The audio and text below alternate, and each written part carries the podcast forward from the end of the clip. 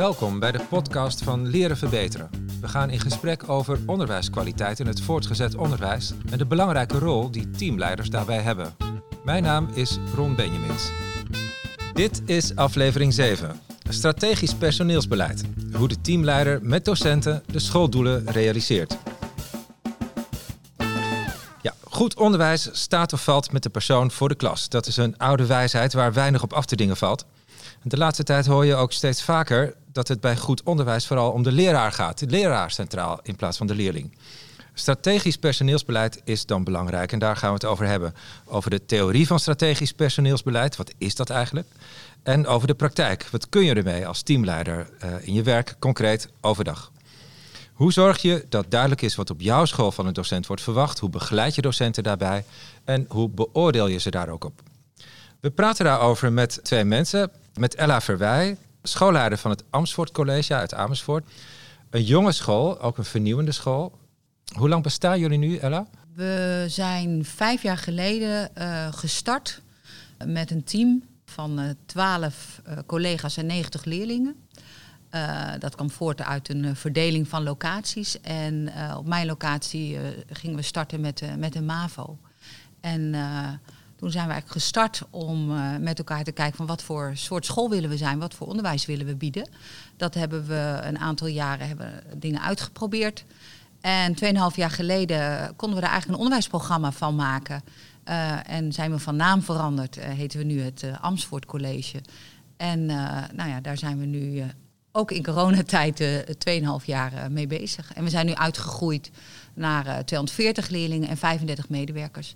En daarbij is nu ook een tweede schoolleider gekomen zodat we met elkaar uh, de locatie goed kunnen leiden. Ja, dus jullie groeien echt. Jullie zijn echt een school aan het bouwen. Dus die vraag van wat voor mensen heb ik nodig? Wat vraag ik van ze? Uh, hoe begeleid ik ze? Die is in jullie school echt uh, aan de orde van de dag. Ja, zeker. Ja. ja.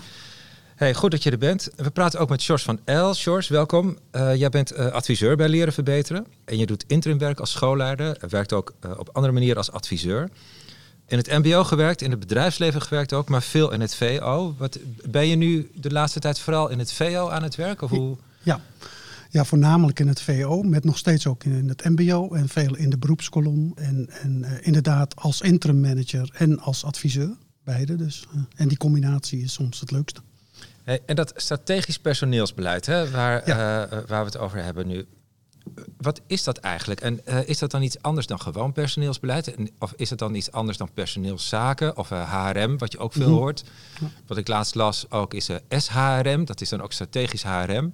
Dat is een beetje potpourri van termen.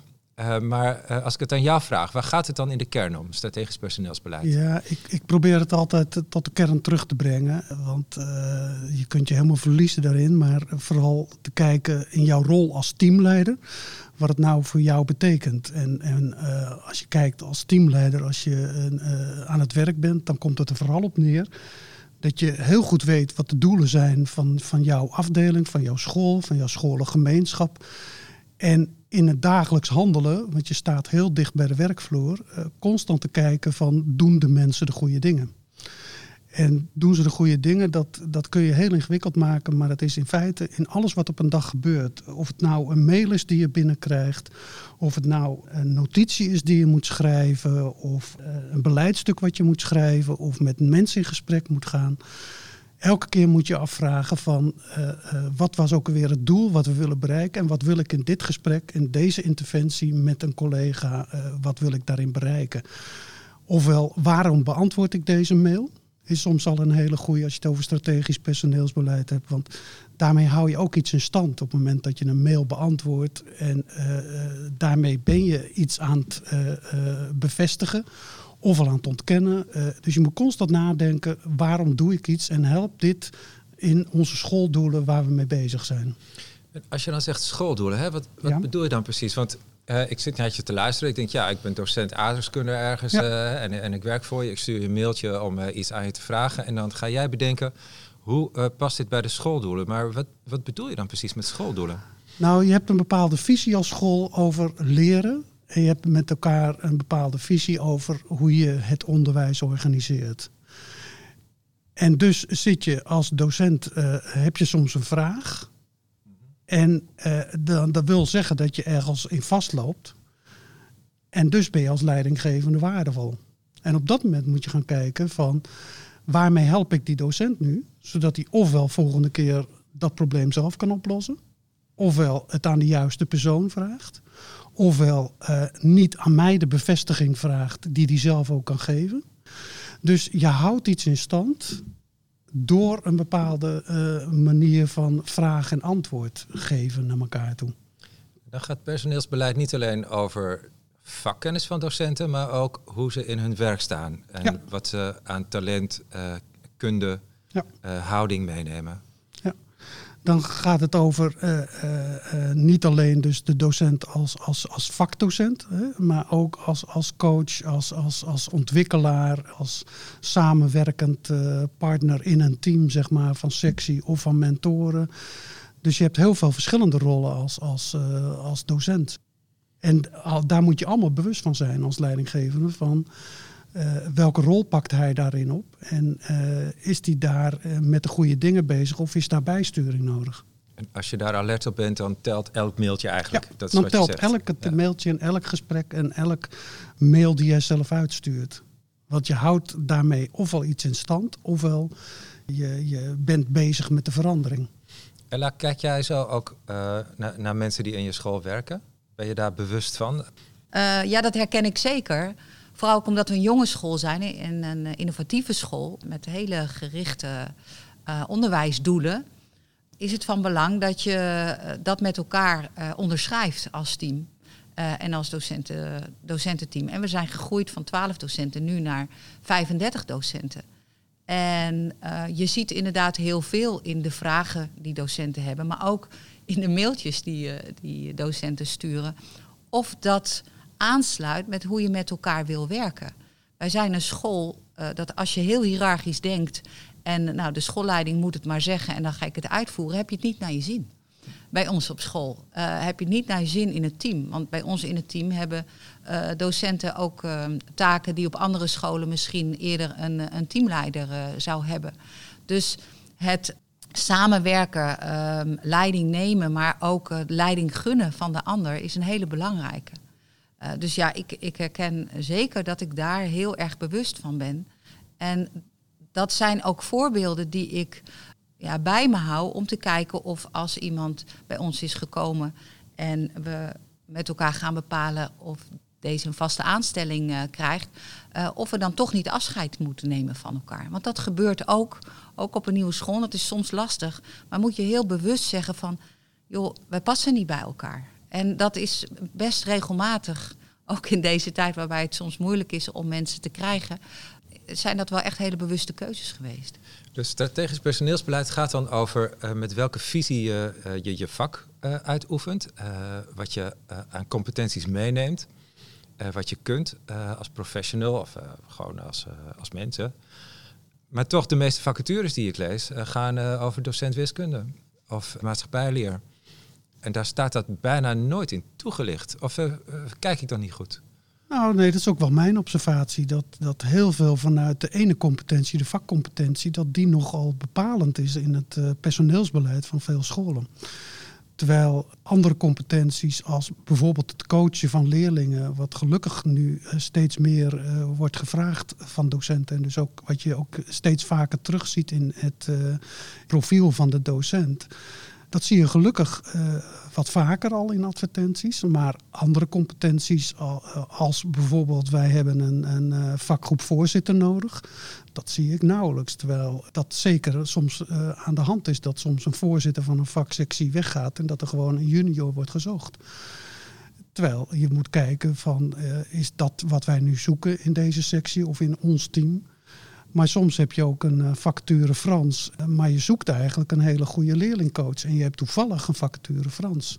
Nou, het is, als je echt heel strategisch bezig bent als school, dan koppel je, die dingen aan elkaar inderdaad, ik zat me ook af te vragen, is het niet een hele luxe uh, benadering eigenlijk in een tijd waarin we heel veel leraren zoeken en ook een groot lerarentekort hebben? Want eigenlijk moet je blij zijn met iedereen die, die het vak een klein beetje beheerst en de rest, dat moet er maar komen. Maar beter iemand voor de, voor de klas dan niet. Of vergis ik me daarin? Nou, mijn ervaring is anders. Juist omdat we een heldere onderwijsvisie hebben, hebben we denk ik ook een hele heldere vacature opstelling. waarin we heel duidelijk aangeven waar we naar op zoek zijn. Ja, we zijn op zoek naar die docent aardrijkskunde, maar die moet ook coach kunnen zijn. Je moet ook willen samenwerken. Je moet van nature kunnen reflecteren. die hebben we allemaal opgesteld in de vacatures. Want deze mensen hebben we nodig. Je bent veel meer dan alleen maar de vakidioot. Uh, je bent juist iemand die uh, de leerlingen wil begeleiden, juist ook in hun ontwikkeling. Dat is natuurlijk een hele grote verandering gaande. En die is gelukkig al jaren gaande. Dat je niet alleen maar docent bent, maar dat je heel goed je leerlingen in beeld moet hebben en daar ook uh, ja, op kan inspelen. En jouw ervaring is, als je zegt wat voor mensen je zoekt en op welke competenties je een beroep wilt doen, dan zijn er docenten die voelen zich uitgenodigd om dan te reageren. Ja, juist, want in onderwijsland zijn ontzettend veel mensen die graag vernieuwing willen en die verandering willen en die dat op hun eigen school niet voor elkaar krijgen en die bij ons lezen de vacature en denken van yes, dit is eigenlijk wat ik heel graag wil. Maar um, al bij de vacature, en dat heb ik ontwikkeld om als docenten eh, bij ons reageren of medewerkers reageren op vacature, dan, uh, dan sturen ze een mail en dan check ik heel snel van is dit een docent, is dat een medewerker waar, die we misschien wel uh, willen uitnodigen. En dan sturen wij een reactie waarin wij een video-selfie van onszelf sturen als schoolleider, uh, de, de twee andere mensen die ook in de benoemingsadviescommissie zitten, uh, vaak een, een, docent en natuurlijk iemand van de MR, waarin wij iets over onszelf vertellen en nodigen de ander uit om ook kort een video-selfie te sturen.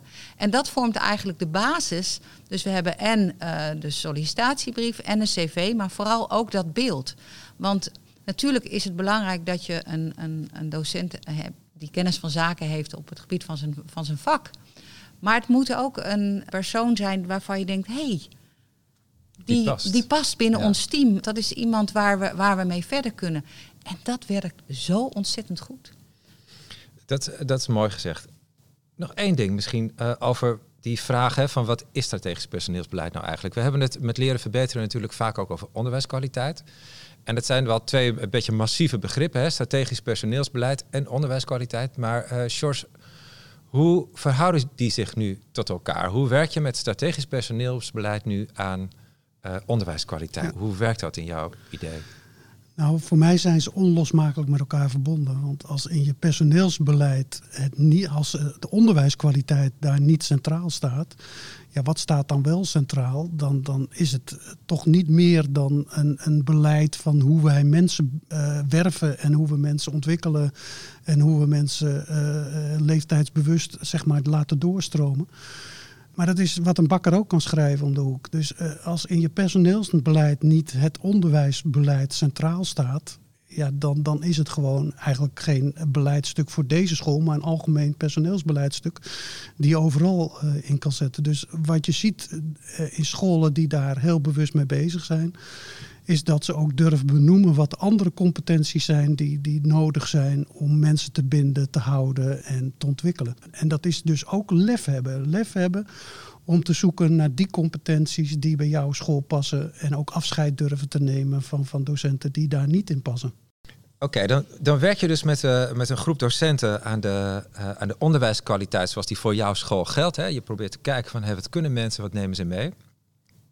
En dan geef je leiding aan docenten. Maar kijk, docenten aan de ene kant zijn heel erg gesteld op hun professionele vrijheid. Willen heel graag voor zichzelf uitmaken hoe het voor hen werkt in, op deze school, met deze leerlingen, met hun uh, inzet en aanleg. Maar tegelijkertijd heeft iedereen ook heel erg de behoefte om te horen, wat verwacht je nou precies van mij? Uh, wees maar duidelijk. En ook, doe ik het al goed? Dus eigenlijk als je werkt met docenten hoor je de hele tijd twee dingen tegelijkertijd. Bemoei je er niet mee. En wat wil je dat ik doe? Dat is een soort spanningsveld waar je volgens mij niet echt los van komt. Nee, dat klopt. dat is in kern uh, wat, wat een professional is. En uh, daar heb je mee te dealen. En dat is het, uh, aan de ene kant het spannende van teamleider zijn of worden, als je dat net bent geworden. Aan de andere kant ook de uitdaging. En de belangrijkste tip die ik daar altijd beginnende teamleiders daarin meegeef, is van zie je docenten nu als je leerlingen? Want de meeste teamleiders zijn toch wel ervaren docenten. Het verlangen van een docent verschilt niet veel van het verlangen van een leerling. Alleen je moet dat uh, vertaalslag daarop maken. Ofwel, wat je bij leerlingen doet, kan niet met docenten, maar je kan wel die vertaalslag maken. Wanneer gaf je dat vertrouwen en wanneer begrensde je ze ook? En wanneer daagde je ze uit? Hoe deed je dat? En probeer dat te vertalen naar docenten, want ze hebben eigenlijk hetzelfde nodig. Er is niet zoveel verschil daarin. Om die parallel door te trekken, uh, hoe een docent werkt met leerlingen, zo werk je als teamleider eigenlijk met docenten. En docenten, net als leerlingen, zitten dan ook in een groep, zijn lid van een team. Dus je spreekt ze niet alleen aan op wat ze zelf weten en kunnen, maar ook hoe ze zich in het team van docenten gedragen. Hoe werkt dat bij jullie op school, Ella? het is heel erg belangrijk dat je verschillende typen mensen binnen je team hebt. Wij hebben ehm, gewerkt met de, de hoede van Bono om eens te kijken van wat voor type mens hebben we nou in ons team. En we kwamen tot de ontdekking dat we heel veel mensen hebben die innovatief zijn. Uh, dat is natuurlijk logisch als je op een school, op een jonge school werkt die in ontwikkeling is. Maar we hadden te weinig mensen die, uh, die echt blauw zijn, die nou, wat meer van, van de schema's zijn, die wat, wat meer planmatig ehm, werken. Uh, de, zwarte hoeden hadden we niet zo heel veel mensen die af en toe echt kritisch zijn en stilstaan. Dus we hebben daarin ook wel gekeken van, nou, als er nieuwe mensen bij komen, naast dat ze het vak goed, goed kunnen geven, nou, wat voor type mens is het? Om zo een betere afstemming te hebben met elkaar. Ja, dat snap ik. Hè? Dus dat je gewoon verschillende competenties en ook daarmee invalshoeken in je team nodig hebt. Hoe kijken jullie aan tegen professionalisering en scholing en zo? Hè? Dat is natuurlijk gewoon in het onderwijs zetten we dat heel graag en veel in. Hè? Als we iets willen, dan uh, moet je op cursus of dan moet je iets leren. Maar kan elke docent alles leren? En, en moet je dat ook willen? Want we praten nu heel erg over, uh, je moet de goede mensen zoeken. Mm -hmm. Maar uh, kun je ook de goede dingen doen om mensen te laten ontwikkelen of te laten groeien in hun rol of anders in hun werk te laten staan? Hoe kijken jullie daarnaar? Het is zo dat, dat uh, natuurlijk moet je, je je vak onderhouden, je moet je professie onderhouden. Ik zeg wel eens van als een docent een advocaat zou zijn, dan zouden er misschien wel eens meer mensen zoals Moskovits uit hun beroep worden gezet. Die werd van het tableau geschrapt omdat ja, hij geen cursus deed. Omdat hè? hij geen ja. cursus deed, omdat hij zijn professie niet onderhield, werd hij uit zijn, uh, uit zijn ambt gezet inderdaad.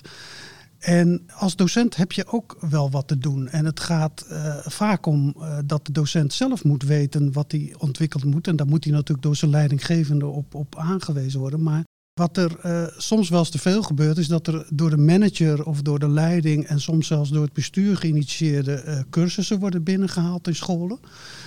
Ja, en dan is het weer het one fits all, zeg maar. Wat je eigenlijk ook niet met je leerlingen wil, doe je dan wel met je docenten. Dus het is niet zo wat, je, dat, wat de, ene docent nodig heeft, dat de andere docent dat ook nodig heeft.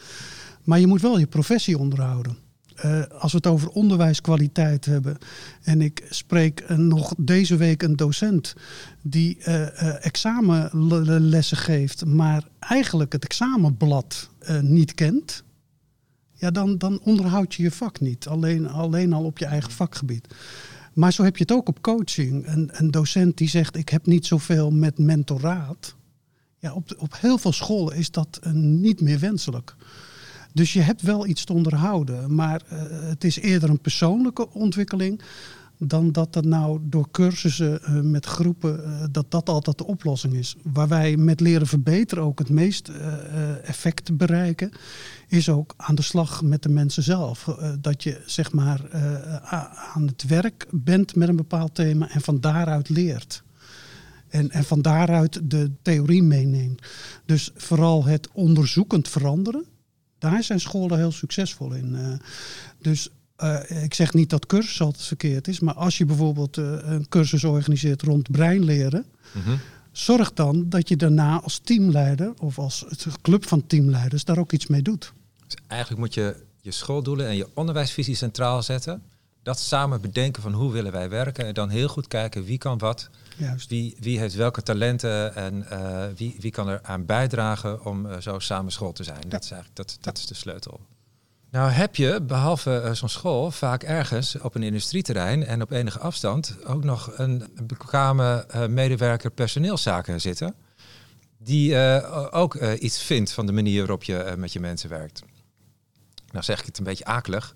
Uh, want vaak is dat ook uh, je steun en toeverlaat, uh, omdat je met personeelsleden soms iets wilt wat vanuit de CAO of met wet en regelgeving helemaal niet mag.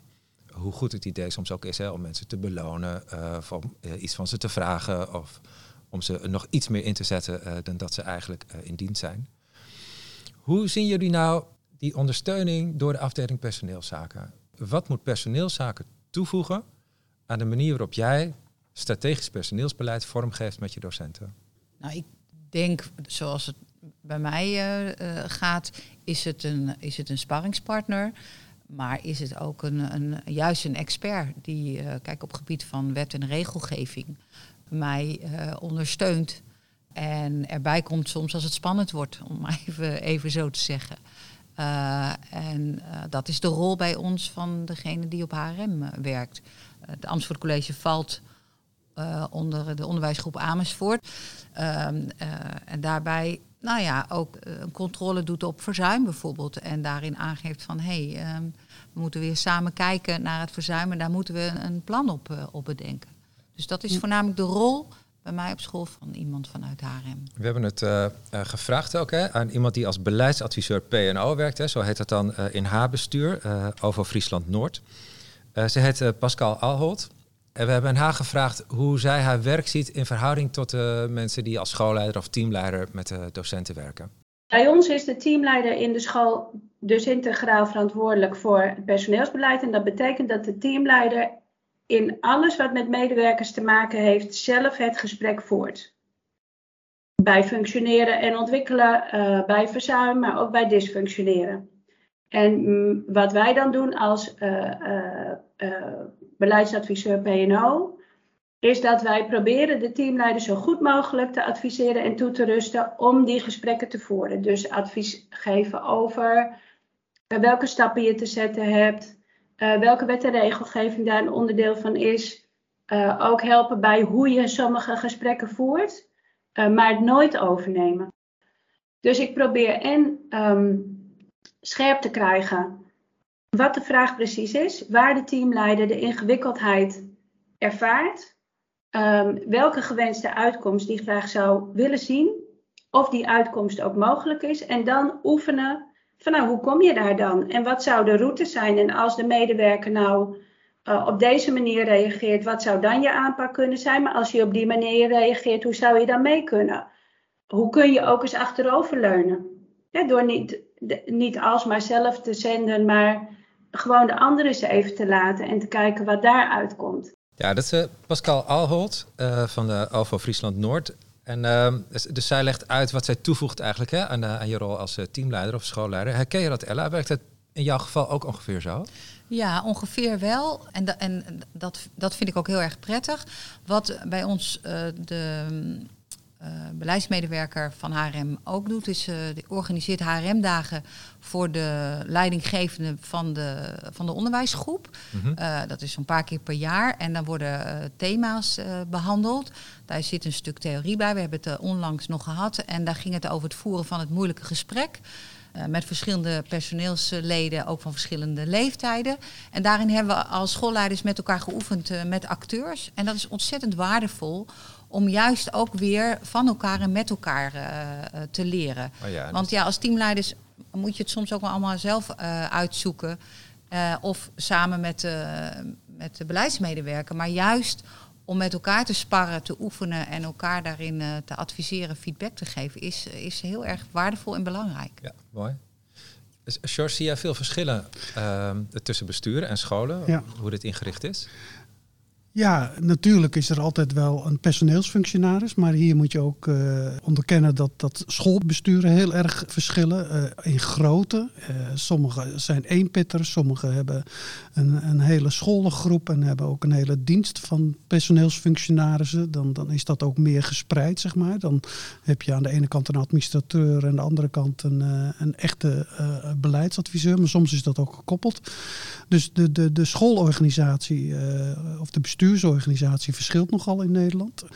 En ik adviseer daarom ook altijd teamleiders dat te onderzoeken. Want vaak is er meer aanwezig op je school dan een, een teamleider uh, weet. Want heel vaak gaat de communicatie toch via de directeuren of conrectoren. En uh, de teamleider zou best beter kunnen onderzoeken welke ondersteuning hij binnen zijn stichting al heeft. En daarbij ook niet bang zijn. Want je hebt toch altijd de neiging, net zoals elke docent dat wil, zelf je problemen op te lossen. Maar er is vaak wel expertise in huis. En ook bij kleinere stichtingen kunnen ze ook expertise wel degelijk inhuren als ze dat zelf niet hebben, zeg maar.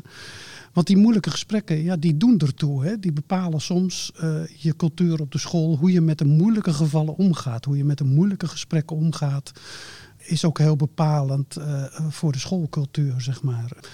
Dus daarin zie ik verschillen. En ook de organisatie van de school is natuurlijk heel anders uh, tussen de scholen. Dus de ene teamleider werkt als zelfstandige eenheid. De andere teamleider is een onderdeel van een, een groep teamleiders. En dat verschilt ook daarin heb je uh, te maken ook met je andere teamleiders van hoe doen zij dat en hoe voer je gesprekken met docenten en hoe voer je moeilijke gesprekken. En dat ook docenten, uh, dat het voorspelbaar wordt hoe dat in dat gebouw gebeurt. We hebben het nu zo gaandeweg eigenlijk over de, expertise die personeelszaken inbrengt. Maar ook over een beetje aan de hand van een voorbeeld van het voeren van, van een moeilijk gesprek en hoe dat kan zijn. Gesprekken met mensen, dat is natuurlijk wel het instrument om uh, je personeelsbeleid overdag vorm te geven. Je praat met mensen over wat ze doen, waarom ze het zo doen, wat je eigenlijk van ze verwacht, wat je ervan vindt ook. Hè? Eigenlijk is dat een heel natuurlijke manier van omgaan met elkaar, maar gesprekken over personeelsbeleid hebben we um, in Nederland dan toch in een soort van formatje gegooid, de gesprekscyclus. Het functioneringsgesprek, het beoordelingsgesprek. En daarin hebben we misschien van iets wat uh, heel erg als vanzelf gaat, uh, normaal gesproken, onderdeel is van een gewone werkrelatie, hebben daar toch uh, een beetje ingewikkelde eilandjes en constructies van gemaakt. Tenminste, zo voelt het voor mij soms wel. Hoe is dat voor jou, Ella? Ja, herken ik helemaal. Het is van belang dat je in gesprek met elkaar bent over het werk, over het professionaliseren, over hoe je erbij zit. En een gesprekkencyclus is natuurlijk belangrijk. Zeker ook voor de ontwikkeling van de school en het goed in beeld houden van je team. Maar het is een taak die een, een schoolleider, een teamleider heeft door steeds goed te kijken uh, wat er speelt en daar weer op inspelen om zo in gesprek met elkaar te blijven. Dat is denk ik heel erg belangrijk. Uh, een voorbeeld daarvan is, wij uh, starten op school altijd met het kwart over achtje. Daar zitten alle docenten bij. Het kwart ook, over achtje? Ja, het kwart over achtje heet dat. Uh, ook al heb je pas de derde uur les, je bent er gewoon om, om kwart over acht. En dan spreken we een aantal dingen door die er op die dag spelen. maar daarin kunnen docenten soms ook aangeven dat er iets met hen speelt met een leerling bijvoorbeeld, dat we eventjes, uh, eventjes moeten weten. Maar daarin registreer ik ook altijd toch heel erg hoe zitten mensen erbij. Komt iemand om kwart over acht binnenstormen met een verhitte hoofd, dan hou ik dat wel even in de gaten om te kijken van hey, hoe gaat dat op zo'n dag? En nou ja, soms uh, uh, zie je ook van joh, kom even mee, even horen wat er is. dat is super belangrijk. Je hebt natuurlijk ook verschillende typen mensen. Je hebt de mensen waar je best veel mee deelt, die zelf veel delen. Uh, graag het, het, het, praatje pot ook, uh, mm -hmm. ook behouden. En je hebt uh, mensen die, die veel zakelijker zijn en nou, die niet zo heel erg vertellen. En veel vertellen. En dat is denk ik belangrijk dat je daar op afstemt. Ja. En dat je daar oog voor hebt. daarin natuurlijk jezelf ook meenemend, want ik ben natuurlijk ook een type mens en ook ja, lerend. Ja, dat geldt voor iedereen. En dat is, dat is belangrijk. En met de ene praat je makkelijker, gaat het soepeler dan met de andere. En nou ja, dat is juist ook zo interessant voor mij als teamleider om te kijken, wacht even, met de ene moet ik dit gesprek op deze manier doen en moet ik deze zinnen gebruiken en moet ik het op die manier zeggen. Ja. Bij de ene moet je zeggen, goh, hoe zullen we het aanpakken? Dat werkt goed. En bij de ander, als je dat zegt, zal zeggen, hoezo we? Dus nou, dat, dat vergt voorbereiding, en, maar vergt natuurlijk ook uh, kennis van je team. Ja. En die startbijeenkomsten om kwart over acht, die, dat zijn voor jou echt uh, de momenten waarop je contact maakt met je team, uh, goed kijkt, luistert, wat speelt er, dingen aan de orde kunt stellen. Uh, en, en als je dat niet zou doen, dan zou je in die gesprekscyclus eigenlijk dat allemaal nog moeten doen voor een heel half jaar of zo. Maar dan, nou, dan hebben... het los van je gewone ja. alledaagse werkrelatie. Ja, nou kijk, wij hebben ja. voor, deze vorm, voor deze vorm gekozen. en dat, dat werkt naar alle tevredenheid. Je kan het natuurlijk ook op andere manieren doen. Dat je echt je bewust van bent dat je door de school heen loopt. Kijk, bewustwording heb ik ook, maar dat lukt gewoon ook niet altijd. Want ook ik heb uh, soms last van de waan van de dag en dat er heel veel dingen ineens op het pad komen die ook moeten gebeuren. Mhm. Maar uh, ja, het is, het is echt heel erg belangrijk.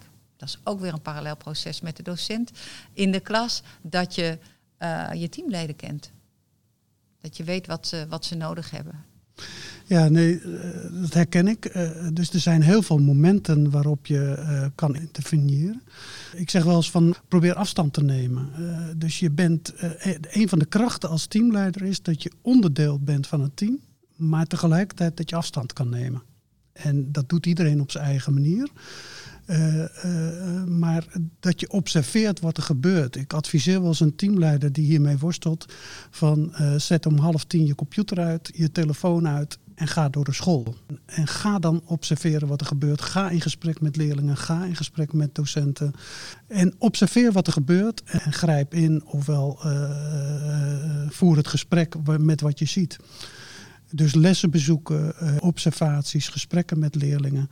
Want in die afstand houden, of dat afstand nemen, daarin komt de reflectie van doen we eigenlijk de goede dingen met elkaar.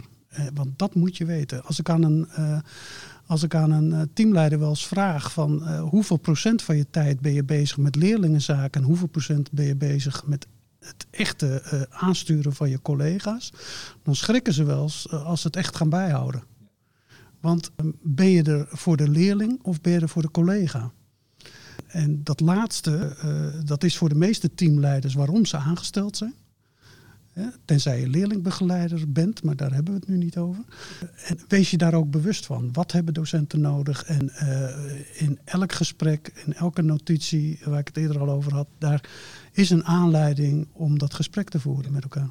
We vroegen het ook aan, uh, aan Bas Wever. Hij is uh, ook adviseur voor leren verbeteren. Hij werkt ook veel als intrimmer.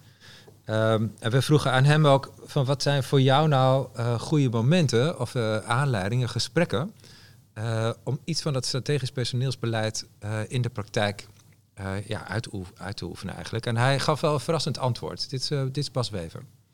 Wat ik een heel functioneel gesprek vind voor HRM is een gesprek waar je het niet zou verwachten, omdat we hem zo toch regelmatig doen. En dat is het sectiegesprek. Het sectiegesprek is dus ook een bron voor HRM-informatie. En waarom zeg ik dat? Omdat in mijn beleving een sectiegesprek plaatsvindt tussen een leidinggevende en um, de afgevaardigden van de sectie, bij voorkeur alle leden van de sectie. En die uh, zie je bij elkaar in één ruimte een gesprek voeren over onderwijskwaliteit. En daarin ga je dus alle overeenkomsten en alle verschillen uh, observeren. En um, dat kan dus betekenen dat uh, het een, een geoliede machine is, dat iedereen goed op elkaar aangesloten is, elkaar aanvult, elkaar inspireert. Maar dat hoeft niet zo te zijn. Het kan ook zijn dat deze mensen dat niet uh, doen en het niet laten zien. En dan ben je meteen aan het observeren en komt daar informatie uit voor HRM. Met andere woorden, voor een gesprek met de hele sectie zou kunnen, maar ook gesprekken met individuele docenten van, die onderdeel zijn van die sectie. En dan kan je bijvoorbeeld observeren door, uh, uh, met behulp van verschillende tools. Ik denk aan de drama-driehoek van Karpman. Dat is er eentje die ik vaak, nou ja, die komt gewoon naar boven als je die, als je die gesprekken observeert. Als het niet zo goed gaat, dan is er bijvoorbeeld een slachtoffer. Iemand die de schuld aan alles geeft, behalve aan het vak of uh, dus aan de organisatie, aan de lestabel, noem maar wat op. En er is een andere die de hele boel aan het redden is. Uh, die, die het voortouw neemt, die al de agenda's maakt en de verslagen en de initiatief neemt. En misschien is er ook wel een aanklager die zegt: ja, maar uh, die, doet het, uh, die doet het niet goed of die doet het niet goed. En die rollen die kan je dus, die worden inzichtelijk in zo'n sectiegesprek. En eigenlijk is dat HRM-informatie. hey, hoe zit hij erin? Hoe gaat hij met zijn werk om? Hoe houdt hij zich professioneel? En kan dus aanleiding zijn om individuele gesprekken achteraf te voeren van hey, hoe doe hoe deed, waarom deed je dat zo? Dus je hebt daar een enorme bron, terwijl je het niet zou verwachten van een sectiegesprek. Ja, dat is Bas Wever. Um, en uh, dat is wel leuk dat hij dat sectiegesprek juist zo naar voren haalt. als manier om met docenten te praten over hun werk. Want dat doe je natuurlijk vooral ook in de sectie. En eigenlijk benadrukt hij daarmee ook dat het erom gaat dat je door de week verbonden bent in het werk op school. En dat je daar vooral over moet hebben. En dan valt die gesprekscyclus ook. Dan heb je iets om over te praten ook, zal ik maar zeggen. Ella, we, naderen bijna het eind van dit gesprek alweer. Ja. als het gaat over dat contact maken met docenten, het praten over het eigenlijke werk, dat het daar eigenlijk over gaat. Wat zijn dan nog de dingen die wat jou betreft echt belangrijk zijn? Wat zijn de tips die je nog zou mee, willen meegeven? Nou, besef dat je als teamleider uh, een grote verbinder bent. Uh, docenten zijn natuurlijk heel druk met lesgeven en met hun leerlingen. En hebben niet altijd door wat de andere collega's doet. En juist door allerlei verschillende gesprekken te hebben, zoals Bas ook zei, de sectiegesprekken. maar wij hebben bijvoorbeeld intervisiegroepen iedere week. Daar ben ik ook bij betrokken, want we zijn allemaal coach. En daarin vragen we feedback aan elkaar. Uh, daar pik je dingen op. Activiteiten die georganiseerd worden, die andere collega's misschien niet doorhebben. Dus wees je daarvan bewust dat je hele mooie lijntjes kan maken naar elkaar. En daarbij uh, de mensen kunt verbinden aan elkaar, zodat ze met elkaar in gesprek uh, zijn en blijven. En een andere tip is zorg ervoor dat je als teamleider je ook blijft scholen in gespreksvoering. In, en daar ook blijft oefenen. En als je met meerdere teamleden bent, stem op elkaar af. Kijk naar elkaars kwaliteiten. En soms kan het zijn dat de ene collega misschien de, de bepaalde docent of medewerker beter kan uh, begeleiden, intensiever kan begeleiden dan de ander. En dat is ook helemaal oké. Okay. Uh, dat, is, dat is denk ik gewoon heel erg belangrijk, die afstemming en die scholing. Ja, mooi. George, wat, wat zou jij nog uh, willen benadrukken als het gaat over die contacten uh, in het alledaagse werk, zou ik ja. bijna zeggen? Nee, naast alles wat al gezegd is, uh, zou ik nog willen benadrukken dat, dat het, het observeren van de docent is een kernactiviteit. Want het docent is, is in zijn hoofd toch 90% van de tijd bezig met uh, zijn contacten met de leerlingen. Dus zorg dat je dat ook kan observeren. En dat zal op een basiskader in een praktijkomgeving uh, wat makkelijker gaan dan bij in een theoretische omgeving. Maar zorg dat je dat organiseert. En dat is eigenlijk ook dagelijks werk. Dus zorg dat je die docent in, in zijn uitvoering ook observeert. Uh, dus een voorbeeld daarvan is een teamleider die met mij in een review lessen bezocht en, en een bepaalde collega en door het systematisch te kijken van uh, hoe, hoe geeft hij nou eigenlijk les en aan welke facetten geeft hij aandacht en welke niet, uh, werd zijn beeld over die docent bijgesteld. Uh, en dat kan ten positieve, maar dat kan soms ook ten negatieve. En dan ja. weet je ook wat je moet doen. Ja. een, een andere schoolleider die kwam uit de basisonderwijs en die werd teamleider in het voortgezet onderwijs. Die was eigenlijk geflabbergasted hoe weinig daaraan gebeurt die, die was dat op de basisschool, dan was dat haar kernactiviteit. En zij moest het op die school als teamleider nog ontwikkelen. Dus wat dat betreft kunnen we ook heel veel van de basisscholen leren. Uh, uh, als teamleider heb je de docenten observeren in, in zijn werk. En dat is toch uh, veel in het contact met de leerling. Dus zorg dat je daar ook de observaties organiseert. Ja, ga kijken. Hè. Ja, ons, onze volgende podcast gaat daarover, ah, over lesbezoeken. Ja, ja, dus je wordt op je wenk bediend. Mooi. Ja. En we hebben het gehad hè, over strategisch beleid, uh, personeelsbeleid, hoe je samen met je mensen uh, werkt aan het uh, realiseren van je onderwijsvisie en je schooldoelen. Um, we hoorden net al even Bas Wever over het sectiegesprek, maar hij heeft een boekje geschreven, precies over dit onderwerp. En um, de link daarnaar staat in de show notes, die je op de webpagina vindt waar deze podcast bij Leren Verbeteren te beluisteren is. Maar het is ook leuk om Bas nog even aan het woord te laten over hoe hij uh, aan het boekje gewerkt heeft en hoe dat er ongeveer uit is komen te zien. De kern van de publicatie is ontstaan door uh, na te denken over de plek van HRM in, uh, in schoolorganisatie en, en, en, schoolbedrijfsvoering, zeg maar. En dus je hebt kwaliteitszorg, we hebben leiderschap. Nou, dat zijn elementen die ruim besproken zijn, maar het onderdeel HRM, dat is vaak nog niet zo uitgelicht in scholen, terwijl het en, en wordt ook nog niet zo goed begrepen misschien, terwijl het eigenlijk dagelijkse kost is voor wat we doen als teamleider. En uh, de, de, al de activiteiten en alle kennis die wij opdoen over mensen, want wij zijn de hele dag met mensen in gesprek en, wij, en het gaat over het werk, dat is allemaal gericht op hoe doe je het, hoe kan het beter, waarom lukt het niet En dat zijn allemaal, dat is de kern van, uh, van hoe kom je verder. En dat is dus ook de kern van de brochure. Hoe kom je verder met, je, met je medewerkers? En als team, um, dat begint met de juiste informatie op te halen, vaardig zijn in de juiste informatie op te halen en dan ook aan het eind die informatie kunnen bundelen, zodat je er een strategische keuze over kunt maken over de toekomst. Wat wil je, welke kant wil je op met het team? Welke kant wil je op met de samenstelling van je team? Dus dat kan zijn in aansluiting op onderwijskundige ontwikkelingen, maar ook in aansluiting op personeelsbeleid. En eh, ja, dat is de kern. Uh, hoe werk je daar naartoe? Nou ja, daar heb je uh, natuurlijk allerlei soorten standaardgesprekken die al veel uitgeschreven zijn in standaard literatuur. Maar dit is voor scholen. En dat is net even wat anders, want het vak van leraar is heel bijzonder en dat van teamleider ook. Ja, dat was uh, Bas Wever nog een keer over zijn boekje. Het heet Over de tong van de teamleider en het uh, verschijnt één deze dagen, dus het is uh, hartstikke actueel. Hey Ella, Sjors, um, we hebben het gehad over strategisch personeelsbeleid als een manier om samen met je docenten te werken aan, aan je onderwijsvisie en aan je schooldoelen om ze niet alleen als vakdocent aan te spreken, maar ook vooral op de competenties, hè, wat je meeneemt als professional en als mens, wat je goed kunt, wat je leuk vindt om te doen. Te zorgen dat dat ook in de school tot zijn recht komt. Uh, wat me bijbleef is ook dat mensen het uh, leuk vinden om daarop aangesproken te worden.